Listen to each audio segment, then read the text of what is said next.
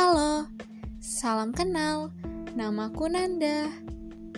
Kembali lagi ke podcastku yang bernama Nanda's Diary. Di episode kali ini, aku akan membahas mengenai sebuah sudut pandang menjadi orang ketiga. Hmm, lumayan terdengar menyebalkan, tapi sebenarnya apa sih yang orang ketiga rasakan dan inginkan? Semoga bagi kalian yang sedang atau pernah menjadi orang ketiga pada hubungan orang lain dapat menikmati episode podcastku kali ini ya.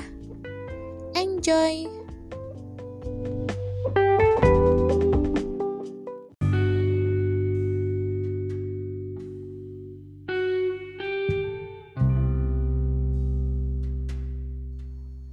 Mau sampai kapan hubungan dan perasaan ini akan selalu menjadi rahasia kita berdua. Memiliki seseorang merupakan kepuasan tersendiri yang bisa kita raih. Status kepemilikan dapat menjadi kebahagiaan dan kepuasan bagi sebagian orang pengakuan di depan publik dengan kalimat "kenalin, ini pacarku" menjadi sebuah kalimat yang dapat membuat seseorang merasa bangga karena telah diakui. Tetapi ternyata di luar sana masih banyak orang-orang yang belum dapat pengakuan ataupun belum dapat memiliki seutuhnya. Pentingkah sebuah status untuk kalian? Dalam sudut pandang orang ketiga, status bukanlah sebuah hal yang penting. Dapat bersama dan diberi kasih sayang oleh orang yang dicintai sudah menjadi anugerah tersendiri. Menurutku, sebuah status kepemilikan dapat memiliki makna egois tersendiri.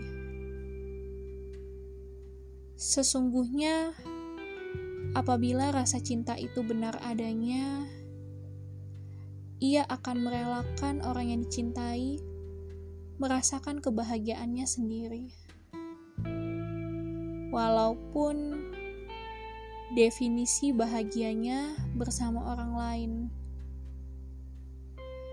Berusahalah untuk melepaskan, merelakan, dan mengikhlaskan sepenuhnya.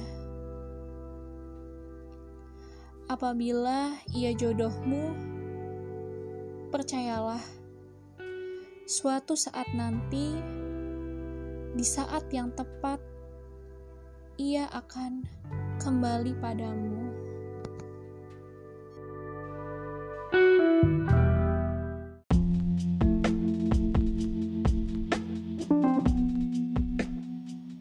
Thank you udah mau dengerin sampahku. Gimana nih perasaan kalian yang sedang atau pernah menjadi orang ketiga setelah mendengarkan podcast ini? Bener nggak itu yang kalian rasakan? Sakit sih, tapi namanya cinta tidak pernah bisa memilih.